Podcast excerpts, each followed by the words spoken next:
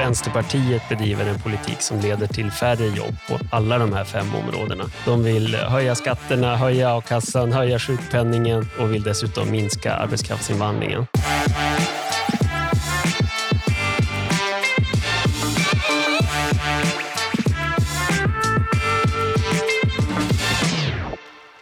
Du lyssnar på Ekonomerna med mig John Norell och väljaren Jakob Lundberg. Just nu så är vi ju mitt i en brinnande varelse. Har du eh, förtidsröstat Jakob? Nej, jag tänker nog rösta på valdagen. Lite Ah, traditionellt sådär. Har du bestämt dig vad du ska rösta på? Ja, men jag har nog det. Jag har, jag har ett, ett, ett alternativ. Ja. He- När, när du beslutar dig för hur du ska rösta, hur... eh, Alltså det finns ju, man frågar ju väljare ibland, så här, är det sakfrågor eller, eller är det ideologi eller är det partiledaren? Vad, vad är det som liksom spelar roll för dig när du ska rösta? Ja, det är klart att sakfrågor och policy är ju det viktiga. Sen så kan man inte bara gå på det de har sagt nu, utan det är klart det dyker upp frågor under mandatperioden. Pandemin är väl ett exempel på det, eh, där de kommer då vägledas av vad man har för ideologi i att fatta beslut om, om frågor som dyker upp. Ja. Ja, Jag har inte heller röstat än. Jag vet inte om jag kommer vänta ända fram till valdagen, men, men eh, jag vill ju i alla fall se ett maktskifte. Så att, eh, för mig är det en sån avgörande grej för hur jag kommer att rösta. Eh, Och idag ska vi ju utvärdera partiernas ekonomiska politik på ett antal områden. Och då har vi en gäst, Caspian Revender som är arbetsmarknadsansvarig här på Timbro. Välkommen! Tack så mycket. Har du röstat än? Eh, ja och nej får jag säga. För nej när vi spelar in det här, men jag tänkte förtidsrösta innan podden kommer ut till publicering. Mm. Och eh, hur, hur beslutar du dig när du ska, vad du ska rösta på? Ja, men det är väl som, eh, som Jakob säger, att man utgår ju från, jag utgår mycket från sakpolitiken och vad jag tror att partierna kommer driva för sakpolitik. Men sakpolitiken är ju mer än vallöften. Det är vad jag tror att de kommer att landa i utifrån någon form av ideologisk sammanvägning under mandatperioden som kommer. Ja, och ni har ju då kollat på eh, partiernas ekonomiska politik inom fem stycken olika områden. Skatter, a-kassan, sjukpenning, pensioner och arbetskraftsinvandring. Och kollat på hur de här, deras, deras förslag kommer påverka sysselsättningen, hur många som kommer i arbete. Stämmer det? Mm. Jobben är ju en- av de viktigare valfrågorna nu, så jag tänker att det är ändå viktig upplysning för väljarna att eh, titta på partiernas politik. Och vi har ju utgått då från ekonomisk teori, nationalekonomisk forskning. Vad utifrån det kan man säga om partiernas förslag? Kommer det bli fler jobb eller färre jobb eller ungefär lika många jobb som idag? Ja. ja, särskilt nu när vi går in kanske då i en lågkonjunktur eh, inom kort så eh, gissningsvis så kommer väl jobbskapande bli en viktig fråga. Mm. Och just nu så står vi inte heller jätteväl rustade. Man kan säga att vi går in i en lågkonjunktur och har en högre arbetslöshet än vad vi brukar ha i slutet av en högkonjunktur. Så det, finns, det är ju extra viktigt att hålla ögonen på just sysselsättningspolitiken och vilka jobb, vilka jobb som kommer att skapas av de här förslagen. Och det är ju många, många områden Eh, och det är många partier. Eh, och eh, om man då vill, för nu ska vi också betygsätta hur de här olika partierna gör ifrån sig, om det liksom leder till mer eller färre jobb. Om man då vill, liksom, det kanske kan ju bli lite visuellt, liksom. så om man, om man vill då följa med under tidens gång under podden, då, då ska man gå in på vår Instagram på Ekonomerna podd och där kan ni nog se en tabell med hur de här olika partierna och inom de här olika områdena. Eh, Okej, är ni redo för att köra igång? Absolut. Yes. Första området, skatter. Jakob, hur ser det ut där? Ja, om man, om man börjar med den grundläggande forskningen så har ju jag och du John faktiskt gjort en forskningssammanställning här där vi gick igenom 35 studier som tittade på om man sänker bidragen till de som inte jobbar eller om man sänker skatten för de som jobbar. Alltså gör det mer lönsamt att jobba. Vad händer då med sysselsättningen? Är det fler som är intresserade av att jobba? Och ja, så är det ju, säger den absoluta majoriteten av de studierna som vi gick igenom. Så att eh, om man sänker skatten på arbete genom till exempel jobbskattavdraget som ju alliansregeringen genomförde och som har byggts ut i flera omgångar, då kommer också fler att jobba.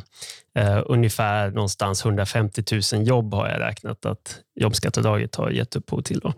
Eh, så man kan ju börja titta bara på vilka partier är det som vill utöka jobbskatteavdraget. Sänka då- skatten mer? Mm. Ja, precis. Sänka skatten på löner. Eh, och då är det Moderaterna, Kristdemokraterna, Liberalerna och Sverigedemokraterna. Mm. Så att det kommer då skapa jobb den vägen. Det beror, beror på hur mycket man sänker skatten, hur många fler jobb man kan förvänta sig. Mm. Sen har ju då regeringen och Centerpartiet har ju också sänkt skatten på löner. Eh, men problemet är att de har även i samma veva sänkt skatten på sjukpenning och på a-kassa. Eh, och det är klart, då blir det inte så himla mycket mer lönsamt att jobba. Det blir inte mer lönsamt att gå från a-kassa till jobb, då, vilket ju var poängen med jobbskatteavdraget till exempel. Så det får ju inte riktigt samma sysselsättningseffekter där. Och de föreslår, hur ser det ut framåt då? Vad de föreslår för nästa mandatperiod? Ja, alla de här har ju lovat i sina valmanifest olika former av skattesänkningar på arbete och det har de ju också haft med i sina budgetmotioner tidigare. Så att vi ser att det här är något som de prioriterar. Vad mer än inkomstskatter påverkas ändå? Ja, här finns ju till exempel från Centerpartiet ett förslag om sänkta arbetsgivaravgifter för ungdomar. Det är något som de har drivit i flera omgångar. Även under alliansregeringen fick de igenom en sån här skattesänkning. Och här finns det ju numera flera olika studier som visar att det här funkar faktiskt. Gör man det billigare att anställa ungdomar, då kommer man att anställa fler ungdomar och faktiskt lite fler äldre också. Eh, sen, jag är lite skeptisk till den här skattesänkningen av andra skäl. Jag skulle kanske inte prioritera det i första hand, men här tittar vi på sysselsättningseffekterna och ja, det, sänker man arbetsgivaravgifterna för ungdomar så blir det också fler jobb. Sen finns det också de partier som vill höja olika former av skatter. Till exempel har ju då Socialdemokraterna aviserat den här beredskapsskatten för att finansiera försvaret. Då. Eh, och där även Miljöpartiet eh, hängt på. Eh, men de har ju vägrat konkretisera vad det här handlar om. Så man kan ju bara spekulera i vad det här skulle kunna innebära. Är det någon ny sorts värnskatt eller är det högre skatter på företagare eller på kapital? Eller högre skatter på, på bolag och investeringar. Eh, och Det är klart att det är stor risk att det här också kommer att på olika sätt leda till färre jobb, lite beroende på hur man utformar den här skatten. Ja. Men vi har ju velat inte spekulera så mycket när vi har gjort den här granskningen, så den eh, räknar vi inte med att den ska ha några sysselsättningseffekter, just för att vi inte vet hur den kommer se ut. Mm, mm, precis. Eh, mm. Uh, någonting vi däremot vet är ju vad Vänsterpartiet föreslår. Vänsterpartiet har ju ett helt paket med eh, skattehöjningar då på sparande och de vill införa en arvsskatt och förmögenhetsskatt och sådär. Eh, och de vill även höja bolagsskatten. Och där kan man se att det finns väldigt starkt forskningsstöd för att om man höjer bolagsskatten, då är det mindre intressant att investera i Sverige. Då kommer färre bolag att investera i Sverige och Det kommer också då i slutändan att sänka lönerna i Sverige. Och Då blir det också mindre lönsamt att jobba och då får vi lägre sysselsättning, färre jobb i Sverige. Så att Vänsterpartiet får eh, dålig betyg helt enkelt. Deras, deras politik på skatteområdet kommer sannolikt leda till att färre eh, kommer i jobb. Ja, det blir ett minus där. Ja. Och eh, överlag då, hur ser, hur ser betygen ut? Ja, Socialdemokraterna och Miljöpartiet får en nolla då, eh, i och med att de har inga förslag för att sänka skatterna på arbete och de har heller egentligen inga konkreta förslag för att höja skatterna på arbete. Eh, och så blir det då för forna Alliansen och Sverigedemokraterna har ju då olika förslag som innebär förstärkta jobbskatteavdrag eller sänkta arbetsgivaravgifter. Så där kan vi förvänta oss fler jobb, så att det blir plus då för de fem partierna. Mm. Och sen får Vänsterpartiet minus? Yes. Då går vi vidare till a-kassan. Eh, Caspian, hur påverkar a-kassan eh, arbetsmarknaden? Ja, arbetslöshetsersättningen påverkar eh, arbetslösheten helt, helt enkelt. Forsk, det finns ganska mycket forskning, både empirisk och liksom, det finns, mycket teori kring det hela också, men väldigt mycket empirisk forskning som klart och tydligt konstaterat högre a-kassa ger högre arbetslöshet. Längre ersättningstid i a-kassan ger också högre arbetslöshet. Eh, och eh, eh det, fin, det finns eh, beräkningskonventioner här både som eh, Finansdepartementet lutar sig mot som är någon form av sammanvägning av de här resultaten eh, som jag har tittat på tidigare tillsammans med Oliver Rykatkin som skrev en rapport för, för oss här på Timbro där vi helt enkelt tittar på riksdagspartiernas budgetmotioner och hur deras eh, a-kassepolitik skulle påverka sysselsättningen om, om de gick igenom jämfört med regeringen. Och där kan vi helt enkelt se att det finns ett antal partier som vill som justerar nivåerna i a-kassan. Nu under pandemin så höjde ju regeringen eh, taket i a-kassan eh, ganska kraftigt från 910 till 1200 kronor per dag. Eh, och det ja, kan man förvänta sig ha ganska stora sysselsättningseffekter. Eh, när vi har kollat då på, på eh, de olika partiernas budgetar så ser vi att eh, bäst ut om man ser sysselsättningseffekter kommer Moderaterna som både vill återgå till den tidigare nivån på a-kassan, på taket, och också vill eh, korta tiden som, som man kan få ersättningen som max. Innan vi går vidare, vad, vad innebär taket i a-kassan? Ja, a-kassan är utformad i, i korthet så att när man blir arbetslös, om man är med i a-kassan, så får man en ersättning upp som är 80 procent av den tidigare sjukpenninggrundande lönen upp till en viss nivå, eh, så, som då är eh, motsvarande en lön på 33 000 kronor idag, mm. som alltså kan få upp som man får 80 procent av i arbetslöshetsersättning. Om man då har en lön som är lite eller mycket högre än 33 000 så kommer arbetslöshetsersättningen inte följa med. Utan tjänar man, Den är kvar helt enkelt? Ja, tjänar man 100 000 kronor i månaden kommer man fortfarande ha ett tak på 33 000 och alltså en a-kassa på, eller arbetslöshetsersättning på drygt 26 000 kronor. Eh, och eh, Det är det taket då som man har höjt från strax över 900 till 1200 kronor per dag från regeringens sida nu som en tillfällig åtgärd under pandemin. Mm. Eh, och nu vill ju då eh, regeringen eh, tillsammans med eh, Miljöpartiet och Vänsterpartiet och Sverigedemokraterna permanenta den här höjningen. Medan eh, de andra partierna, alltså Moderaterna, Liberalerna, Kristdemokraterna och Centerpartiet vill sänka den här nivån. Eh, de har lite olika förslag, det är inte exakt samma nivåer de, de alla pratar om, men det är ändå en sänkning tillbaka till det tidigare eller någon slags mellanting. Eh, och eh, en lägre, en lägre ersättning, en lägre ersättningsnivån innebär ju då, konstaterar vi ju från forskningen, en lägre arbetslöshet, alltså fler i arbete.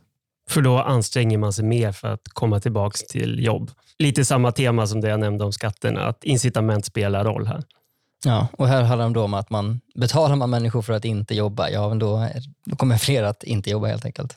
Och Det ser man ju både på arbetslöshetsersättningens nivå, men också på hur lång den är. Alltså om, man, eh, om man kan få en ersättning eh, i under en väldigt, väldigt lång tid, ja då är det inte lika bråttom att skaffa ett nytt jobb, utan man kan luta sig tillbaka lite grann. Kanske hittar man eh, som ja, ta, ta, det lite mer lugnt. Inte för att det är som, så att man dröm, det är en drömtillvaro eller att man njuter av det, utan typiskt sett så är det en ganska stressig och påfrestande nivå, eh, även eh, som medan man söker jobb. Men det är klart att på marginalen så påverkar det absolut i ganska hög utsträckning hur intensivt man alltså sökintensiteten, säger, hur intensivt man söker jobb. Man kan vara lite mer kräsen. Också, ja, precis. Ja. Och eh, är man mindre, lite mindre kräsen så kommer man snabbare i arbete. Och hur, eh, vilka, vilka förslag finns det här från partierna när det kommer till, eh, till detta? Det, det finns ju på den här a-kassesänkarsidan, då, ska man säga, som ju är de fyra forna allianspartierna, så har vi dels Moderaterna som ju går längst kan man säga. De vill återgå till samma nivå som innan pandemin och de vill också förkorta a-kasseperioden. Mm. Eh, och där har vi tidigare räknat på liksom, vad skulle det innebära för sysselsättningseffekter utifrån Finansdepartementets beräkningskonventioner och de kommer upp i strax över 100 000 eh, personer i sysselsättning. Det är ganska, på, som en långsiktig förändring av jämviktsarbetslösheten. Det är en stor Stor förändring. Mm. Mm. Eh, och sen... Eh, och det är då man genomför Moderaternas förslag helt enkelt? Ja, mm. precis. precis. Eh, Liberalerna vill också sänka taket på samma sätt, men har inte eh, ersättningslängden med i, i, sin budget. och Kristdemokraterna har en lite mildare version av sänkningen. Och Centerpartiet har en lite egen modell kan man säga, där de eh, vill trappa av ersättningen i flera steg. Så de börjar med en högre nivå och sen trappar de ner den lite snabbare. Eh, och Det här skulle man då, när man viktar det, ge kanske hälften av Moderaternas effekt, så 50, drygt 50 000 personer i, mer i sysselsättning, en minskning av jämviktsarbetslösheten. Också det är en ganska stor effekt, mm. eh, men inte lika stor. då. Och vilket parti var det? Centerpartiet. Det var Centerpartiet. Mm. Och Liberalerna och Kristdemokraterna kommer däremellan kan man säga, mm. på, i sysselsättningseffekt. Eh, jämfört med eh, idag kan man säga att, eh, lite beroende på hur man ser det, men Vänsterpartiet, Miljöpartiet och Sverigedemokraterna vill ju behålla dagens nivåer. Så på ett sätt så är det inte en försämring eller förbättring. Nej. Men dagens nivåer är ju tillfälliga och de vill göra dem permanenta, så det blir en försämring jämfört med ja, att, det, att det är en tillfällig eh, höjning. Då. Om vi då går in på betygen, då, vad får de olika partierna för betyg här? Där har vi helt enkelt satt minus på de partier som vill permanenta den här tillfälliga höjningen och plus på de partier som i någon mån vill eh, sänka, trappa av ersättningen eller, och eller förkorta ersättningsnivåerna. Så då har vi ju plus på Moderaterna, Liberalerna, Centerpartiet och Kristdemokraterna eh, och minus på Socialdemokraterna, Miljöpartiet, Vänsterpartiet och Sverigedemokraterna. Mm. Då går vi vidare till sjukpenningen. Hur påverkar förslagen kring sjukpenningen eh, sysselsättningen? Det fungerar ganska mycket som arbetslöshetsersättningen kan man säga. Eh, vi, där har vi tittat en del på eh, vad Statliga forskningsinstitutet IFAU har skrivit i rapportväg och vad de har sammanfattat kring vad vet vi om eh, sjukfrånvaro och sjukpenning eh, eh, i, i Sverige. Och man kan ju lätt tänka att säga, men sjuk blir man ju oavsett politik. Det, ja. det borde inte påverka så mycket om man får eh, 100 eller 1000 kronor. För om du blir förkyld så blir du förkyld. Då borde du inte jobba. Mm, det, men vad IFAU har konstaterat upprepade gånger är att även om folk befolkningens hälsa befinner sig på ganska mycket samma nivå över tid. Det finns inga stora liksom, förkylningsboomar eller liksom mellan eller stora skillnader i hur mycket influensa man får med både sena 90-talet och det tidiga 10-talet. Men skillnaderna i sjukfrånvaro är helt eh, enorma. De kan, kan gå jättemycket upp och ner, för de följer också en ekonomisk-politisk logik. Mm. Och här är ju lite samma sak som med arbetslöshetsersättningen eller med skatterna för den delen. Att, eh, om man har väldigt eh, lite kontroller, lätt som eh, höga ersättningar, långa ersättningsperioder, inga, eh, inga brytpunkter, inga omvärderingar av arbetsförmåga eller liknande, då är det lätt att det tickar på och att man blir kvar i eh, en, en sjukpenning. Alltså man, man, tar emot någon form av sociala, ersätt, sociala ersättningar eller bidrag. Och Det är ju tråkigt såklart både för offentliga finanser och skattebetalare, men också kanske framför allt för den som är sjukskriven väldigt lång tid utan att egentligen behöva det när man kan gå tillbaka till arbetet. Det är bättre både för den enskilde och för samhället som helhet.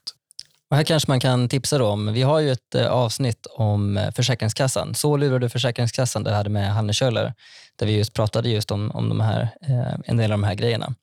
Det är intressant att sjuktalen liksom, förändras så liksom, efter konjunkturen och efter antalet arbetslösa. Okej, men hur ser det ut de olika partierna? Vad har de för förslag när det kommer till förändringar av sjukpenningen? Mm, det stora där är ju eh, kontrollerna av eh, alltså av, vid en bortre tidsgräns. Alltså ska, ska sjukpenningen eh, sträcka sig, säga för evigt, eh, men eh, ska man ha en väldigt lång period utan eh, regelbundna kontroll av arbetsförmågan eller ska man eh, oftare, eh, oftare göra stickprov eller kontroller av huruvida man kan eller inte kan arbeta. Och där har ju Moderaterna, Kristdemokraterna, Centerpartiet och Liberalerna, när de satt i regering tillsammans under allianstiden så införde man ju mer av, eh, mer av den här typen av bortre parenteser, tidskontroller. Eh, det betyder ju inte att man blir av med sin sjukpenning om man, in, om man faktiskt har en eh, permanent nedsatt arbetsförmåga eller liknande. Men det gör att fler eh, ja, kan fångas upp och eh, få en väg tillbaka till, eh, till arbetslivet, är ju tanken. Arbetsförmågan liksom kan ändå förbättras efter ett tag och om man då oftare träffar en, en läkare för att utvärdera arbetsförmågan så ja, det är fler som kommer komma tillbaka till arbetsmarknaden. Och om man tidigare säger den här arbetsförmågan är för alltid borta, då kommer det vara fler som får en för alltid sjukersättning mm. av något slag. Eh, som sjukpenning eller sjukersättning eller liknande.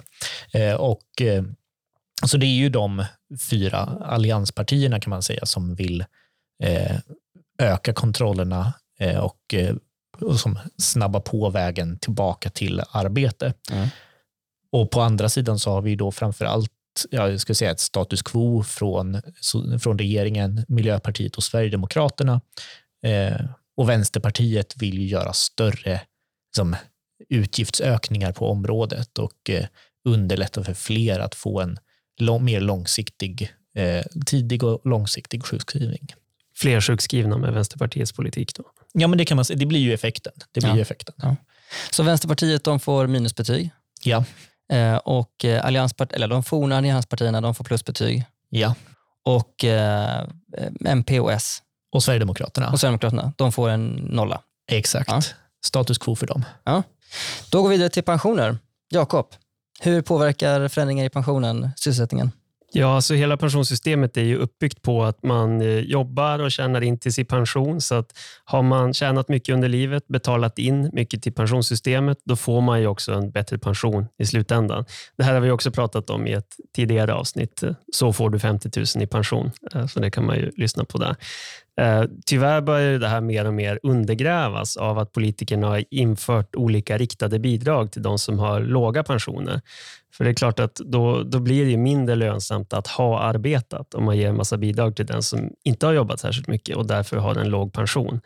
Man brukar prata om det här med respektavstånd, att det ska vara ett avstånd i pension mellan den som har jobbat hela livet och den som inte har gjort det. Mm. Men det som har hänt nu senaste året är att eh, ja, framförallt Vänsterpartiet har drivit på för att man ska då höja bidragen till pensionärer med, med låga pensioner. Eh, Det var ju faktiskt deras krav för att släppa fram Magdalena Andersson som statsminister. Man pratar om den här tusenlappen till de, de fattigaste pensionärerna. Eh, och Det här var ett förslag som trädde i kraft nu i augusti. Det var ju massa politiska turer fram och tillbaka, men det slutade med att man höjde den här garantipensionen då, som ju är det, det bidrag som man får om man har låg intjänad pension. Eh, den höjdes då med, med 1000 kronor och det var ju då eh, Socialdemokraterna, Vänsterpartiet, Miljöpartiet och Centerpartiet då som fick igenom det förslaget. Mm. Jag misstänker att vänstern inte kommer få ett positivt betyg på den här området helt enkelt. Nej, eh, sen kom det ju ett motförslag då från eh, högerblocket så att säga. Moderaterna, Liberalerna, Kristdemokraterna och Sverigedemokraterna. Eh, och även det förslaget innebar ju höjd garantipension. Då hade de också en liten skattesänkning till de som har lite högre pension.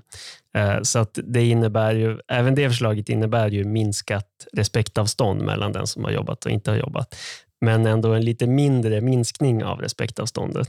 Så på så sätt så är det ju bättre då, så att säga, för, för incitamenten.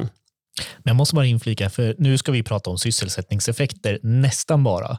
Men det här har ju motiverats också med att pensionärerna har det så tufft.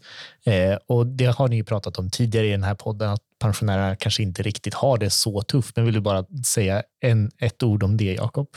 Ja, vi har ju ett, vårt allra första avsnitt hette ju faktiskt myten om fattigpensionärerna. Eh, och där visar vi att antalet fattigpensionärer har blivit mycket färre i Sverige över tid. Med, med dagens definition så fanns det drygt en miljon fattigpensionärer i Sverige för 30 år sedan. Och idag finns det ungefär 300 000 fattigpensionärer. Eh, så att pensionärerna och fattigpensionärerna har ju fått det betydligt bättre. Men trots det så har det ju uppstått den här debatten och den här politiska logiken där ja, nu i princip alla partier har tvingats ställa sig bakom det som var Vänsterpartiets förslag från första början. Mm. Finns det någonting mer när det kommer till pensionerna? Något, något annat förslag som också kommer påverka sysselsättningen? Ja, så det man bör nämna här är ju skattesänkningar till äldre som jobbar. Eh, För det är ju fler och fler äldre som jobbar, kanske kombinerar pension och jobb. Eh, Och Här finns det också stöd i forskningen för att om man sänker skatten för äldre, man har infört ett särskilt jobbskattavdrag till äldre som jobbar, Eh, så kommer det också att leda till att fler väljer att jobba. Eh, så här finns det då förslag från, då, ja, det är lite upprepningar, men de forna allianspartierna, Centerpartiet, Moderaterna, Kristdemokraterna och Liberalerna, eh, som föreslår då att man ska ge en, en extra liten morot till, till äldre som jobbar. Så det kommer ju att ge då fler jobb. Mm. Och Sen kommer vi tillbaka lite till skattefrågorna också, eller kan man säga, med pensionsavgiften som några vill vara inne och röra i. Ja, precis. Ehm, för här är det ju då de rödgröna partierna och Sverigedemokraterna som vill höja avgiften till pensionssystemet eh, med ungefär 20 miljarder kronor någonting är väl det man brukar prata om. Och det är klart, det måste ju finansieras på något sätt och i slutändan lär det ju falla på de som jobbar idag som måste betala för det här. Eh, så det kan ju i slutändan också då leda till, till färre jobb. Mm. Och eh, pensionsålder, hur, hur påverkar det sysselsättningen? Ja, här har ju pensionsgruppen då, som består av de borgerliga partierna och Socialdemokraterna och även med stöd av Miljöpartiet sagt att man ska höja åldern för när man tar ut garantipension eh, för det finns ju egentligen ingen pensionsålder i Sverige. Man går ju i pension när man vill. Eh, men de har sagt att från politikernas sida så vill man ändå skicka en signal om att folk ska jobba längre.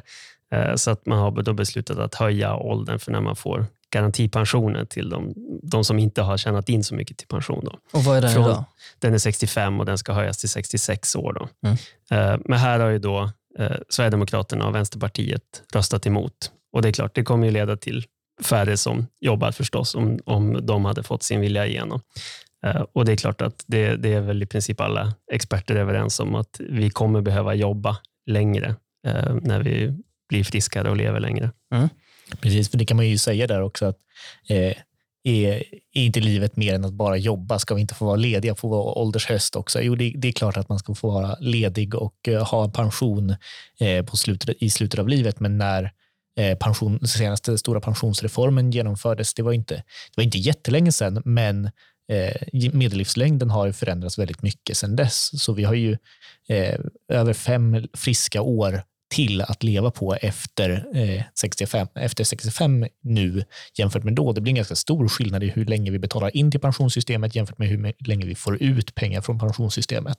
Så att justera den pensionsåldern, då, eh, ri- riktåldern för när man går i pension uppåt, är nödvändigt för att kunna fortsätta finansiera de nivåerna av pension som vi tycker är rimliga. så att säga. Mm. Mm. Intressant. Vi lever längre och vi är friskare på ålderns höst. Eh, vad, får pension, eller vad får partierna för betyg när det kommer till pensioner? Då? Ja, här blir det då de rödgröna partierna och Sverigedemokraterna får minus eh, i och med att de på olika sätt bidrar då till minskat respektavstånd, eh, inte vill sänka skatterna för äldre som jobbar eh, och vill höja pensionsavgiften dessutom till pensionssystemet. Och sen på, på de forna allianspartierna har jag satt en nolla i och med att de har lite olika förslag som går i olika riktningar här. Ehm, de har ju också bidragit till att minska respektavståndet eh, Men samtidigt så driver de ju också då skattesänkningar till äldre som också jobbar, eh, vilket ju är, är positivt för sysselsättningen. Mm. Okej, då går vi in på sista området, arbetskraftsinvandring. Och eh, berätta, Caspian, hur ser det ut på det här området? Då? Ja, arbetskraftsinvandringen är ju, skiljer sig på ett sätt från de andra områdena, för det innebär ju att människor kommer till Sverige för att arbeta. Eh, Så det har ju en väldigt direkt effekt på sysselsättningen. Mm. Eh, Om det kommer tusen arbetskraftsinvandrare, ja, då ökar sysselsättningen med tusen personer. Samtidigt så ökar ju också befolkningen med tusen personer medan de är här och arbetar, så det påverkar ju sysselsättningsgraden positivt, men lite mindre. Men det är, det är ändå ganska stora mängder människor det här kan röra sig om. Varje år beviljas ungefär 25 000 arbetstillstånd. Eh, De flesta för ganska korta perioder, många som är säsongsarbetare eller jobbar i projekt för ett par år. Bärplockare och sådär. Bärplockare, skogs, eh, sko- skogsplanterare. Ungefär hur många är det? Och de här 25 000? Eh, De är kanske 7 000 ungefär. Nu har Ja. jag kollat årets siffror på raka, men det är en stor andel, inte en majoritet. Ja, där någonstans. Och ungefär, man kan säga också att ungefär 10 procent av de beviljade arbetstillstånden går till personer som kommer stanna mer än fyra år och sen få permanent uppehållstillstånd i Sverige. Så det är en ganska liten del, men det är de många personer det rör på den svenska arbetsmarknaden som helhet. Ja. Eh, och det här innebär ju inte bara att fler personer jobbar i Sverige. Det är ju en bra sak i sig för, för ekonomin. Det innebär ju också en bättre matchning, bättre fungerande eh, marknad som helhet. Eh, och eh, ja, men vilket man kan illustrera bland annat genom att eh, eh de rekryteringar som sker vid arbetskraftsinvandring går ju till nästan 100 procent, över 90 procent till eh, de yrken som Arbetsförmedlingen bedömer är bristyrken. Det. Det är inte ett perfekt mått, men det är ändå en jättebra fingervisning kring att det här är rekryteringar som hade varit svåra att genomföra överhuvudtaget om arbetskraftsinvandringen inte var möjlig. Och Man kan också se att det finns eh, studier som visar att de företag som anställer arbetskraftsinvandrare växer mer både i omsättning och i antal anställda, även antal anställda som inte är arbetskraftsinvandrare, än en syntetisk kontrollgrupp av liknande företag som då inte anställer arbetskraftsinvandrare. Så Ah, intressant. bot- bottom line, liksom, det, det är positivt för sysselsättningen med arbetskraftsinvandring. Mm. Det finns inga undanträngningseffekter på den inhemska arbetsmarknaden, utan det här är en renodlat positiv eh, effekt på, på sysselsättningen och på arbetsmarknaden. Och eh, vad finns det för förslag från partierna? Partiernas förslag går ju huvudsakligen ändå åt att begränsa arbetskraftsinvandringen. Eh, där har vi ju många parti, fler partier som vill ha eh, ganska höga inkomstkrav. Eh, Moderaterna vill se 85 procent av medianlönen. Va, vad är inkomstkravet? Ja, i, idag, så är inkom, idag så finns det inte en siffra satt i lag eller förordning, utan kravet är ställt som, så att eh, det ska vara en kollektivavtalsenlig lön och man ska kunna leva på den själv, det vill säga man ska inte vara berättigad till att ta emot bidrag eller andra ersättningar. Eh, och Det som fungerar ju också på så sätt att det eh, man, man får in, arbetskraftsinvandrare tar inte emot bidrag utom barnbidraget och sånt som man inte kan välja bort om mm. man då har en familj med sig. Eh, men Eh, den här försörjningsnivån som betyder att man inte ska vara berättigad att ta emot några bidrag, den är satt till 13 000 kronor. Mm. Men det här vill då Moderaterna höja till 85 procent av medianlönen, så strax under 30 000 kronor. Eh, Socialdemokraterna har precis varit ute och föreslagit samma nivå eh, i all väsentlighet. Och eh, Kristdemokraterna vill ha ett ännu lite högre inkomstkrav, 35 000 kronor. Men eh, med med en liten reservation för bristyrken. Det är väldigt höga inkomstkrav ändå som de föreslår. Alltså man tänker, det, är ju, det är väldigt många i Sverige som tjänar mindre än 30-35 000 kronor i månaden. Och det är klart, De bidrar ju ändå till ekonomin och statsfinanserna och sådär. Alltså det är väldigt märkligt att man sätter ett så högt tak. Och Det har du väl också räknat på, att man behöver inte tjäna så mycket för att vara ett bidrag till svensk ekonomi. Nej, men verkligen. Eh, det är ju, om man tar Moderaternas första förslag var ju faktiskt att sätta medianlönen som krav, det vill säga att man måste tillhöra den rikaste halvan kan man säga, inte bara av befolkningen utan den rikaste halvan av löntagarna i Sverige. Och löntagarna är ju bara den del av mm, löntagarna är den del av befolkningen som har högst lön kan man säga.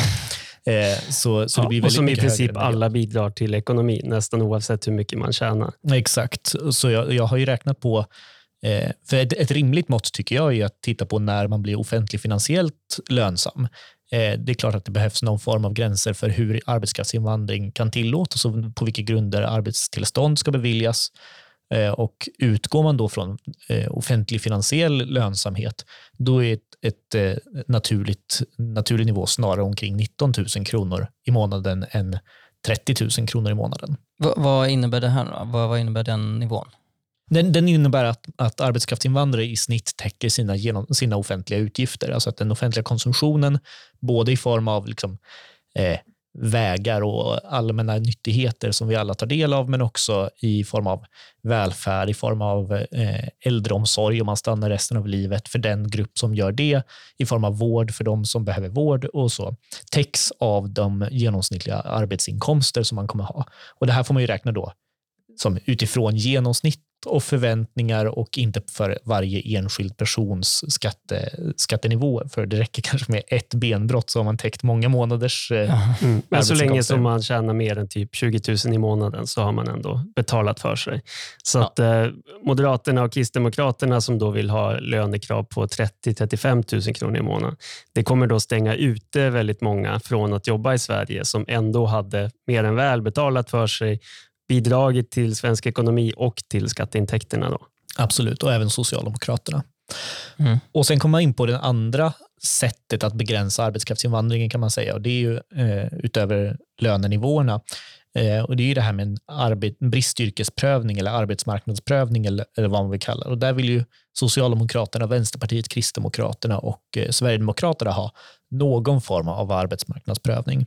Eh, det vill säga att bara om det är ett bristyrke eller bara om en anställning verkligen behövs så ska ett arbetstillstånd beviljas. Och, Någon sorts byråkratisk prövning. Då, ja, vem, ska vem ska avgöra det? Är det företag själva? Då ja. kommer de säkert säga ja. Om det är, om det är liksom facket som ska bestämma det, då kommer man alltid säga nej. Exakt, och det där är ju, det där är ju den knäckfrågan. Eh, för det låter ju bra att säga ja, bara, bara anställningar som behövs, det är ju bara de som vi ska ha. Ja, men det vet du inte. Det vet ju vare sig politiker eller byråkra, byråkrater eller myndigheter vilka arbet, arbeten som behövs eller inte. Eh, vet inte ens vilka, som det är lätt, vilka tjänster som är lätta att tillsätta eller inte.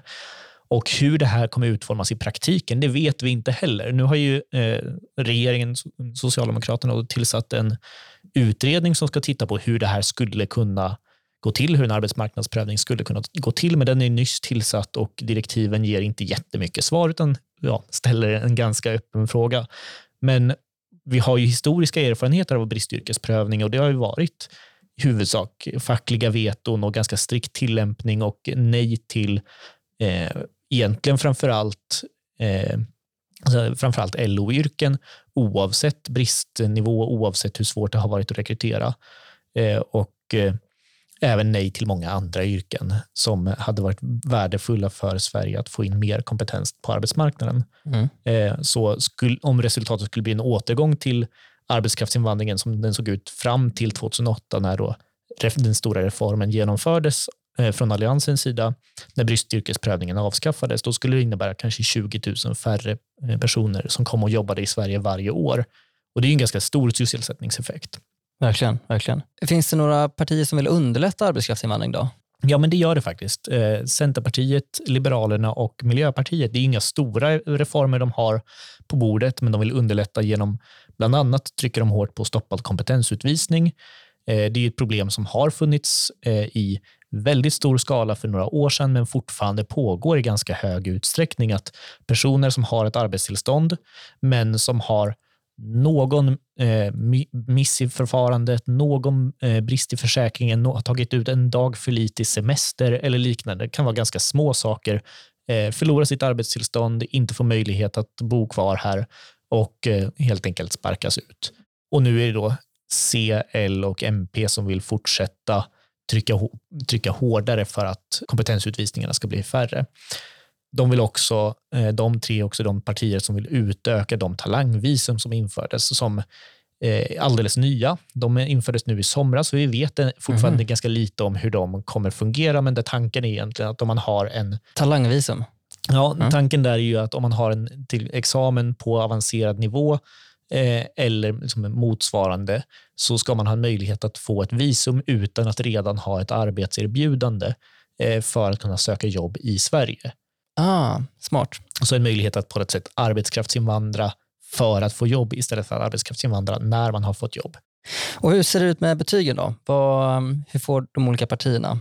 Ja, det är satt eh, ja, minus på de eh, partier som vill införa höga inkomstkrav och eller arbetsmarknadsprövningar och det är ju då eh, de flesta tyvärr. Det är Socialdemokraterna, Moderaterna, Sverigedemokraterna, Vänsterpartiet och Kristdemokraterna.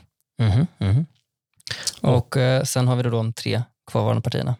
Precis, och de får plus. Då. Så det är Centerpartiet, Liberalerna och Miljöpartiet som vill underlätta för arbetskraftsinvandringen till Sverige. Toppen, då har vi betyg för alla partier inom alla områden. Eh, det var många betyg, så att om man nu vill liksom få hela tabellen framför sig, gå in på Ekonomerna på Instagram och så kan ni se eh, liksom, översiktligt här. Och gå också in på smedjan.se. Där finns det också en artikel där, där Caspian och Jakob eh, skriver ut eh, liksom, allt det här i text istället. Men det finns ju lite mönster när man kan eh, se i de här betygen eh, när det kommer till vänster och höger och sådär. Jakob, vill du sammanfatta lite grann hur det ser ut? Ja, alltså eh, om man tittar på den negativa sidan så är det väldigt tydligt att Vänsterpartiet bedriver en politik som leder till färre jobb på alla de här fem områdena. De vill höja skatterna, höja a-kassan, höja sjukpenningen, göra det mindre lönsamt att ha arbetat och vill dessutom minska arbetskraftsinvandringen. Mm, bottenbetyg för Vänsterpartiet. Och de, eh, det är liksom allianspartierna har väl ändå hyfsade resultat ändå, kan man säga.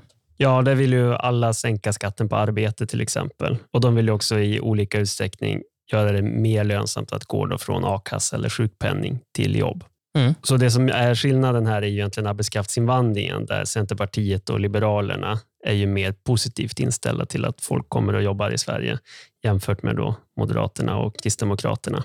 Vi ska väl inte utse någon vinnare här, men vi kan ju ändå konstatera att på fyra av fem områden så bedriver både Centerpartiet och Liberalerna en politik som leder till fler jobb. Eh, och vi har, vi har satt en nolla på pensionerna här. Det är det femte området där de ja, de bedriver politik som leder till både fler och färre jobb. Men på alla andra områden så kan vi ändå konstatera att vi kan förvänta oss fler jobb om deras politik hade gått igenom. Precis, då är frågan sen när man ska stå i röstbåset, vill man ha fler jobb eller inte helt enkelt? Mm. Det finns ju många valfrågor att ta hänsyn till, men jag hoppas att vi har fler jobb efter valet. Tusen tack Caspian för att du var med oss idag. Är det någonting som du vill pusha? Ja, jag vill göra lite reklam för Timbros podd Ideologipodden eh, och särskilt en valspecial där jag tillsammans med Andreas Johansson Heiner, förläggare vid Timbro förlag och eh, Amanda Broberg, marknadsansvarig vid Timbro förlag, har spelat in eh, avsnitt inför valet om de åtta riksdagspartierna och vad deras ideologi egentligen bygger på. Kul sommarlyssning som fortfarande står sig. Strålande, det kommer jag definitivt att lyssna på i alla fall. Det här är en podd från tankesmedjan Timbro. Och prenumerera i din poddapp och följ oss på sociala medier. Vi heter Ekonomerna podd på Twitter och Instagram. Lyssna på oss igen nästa vecka. Tack för att du har lyssnat.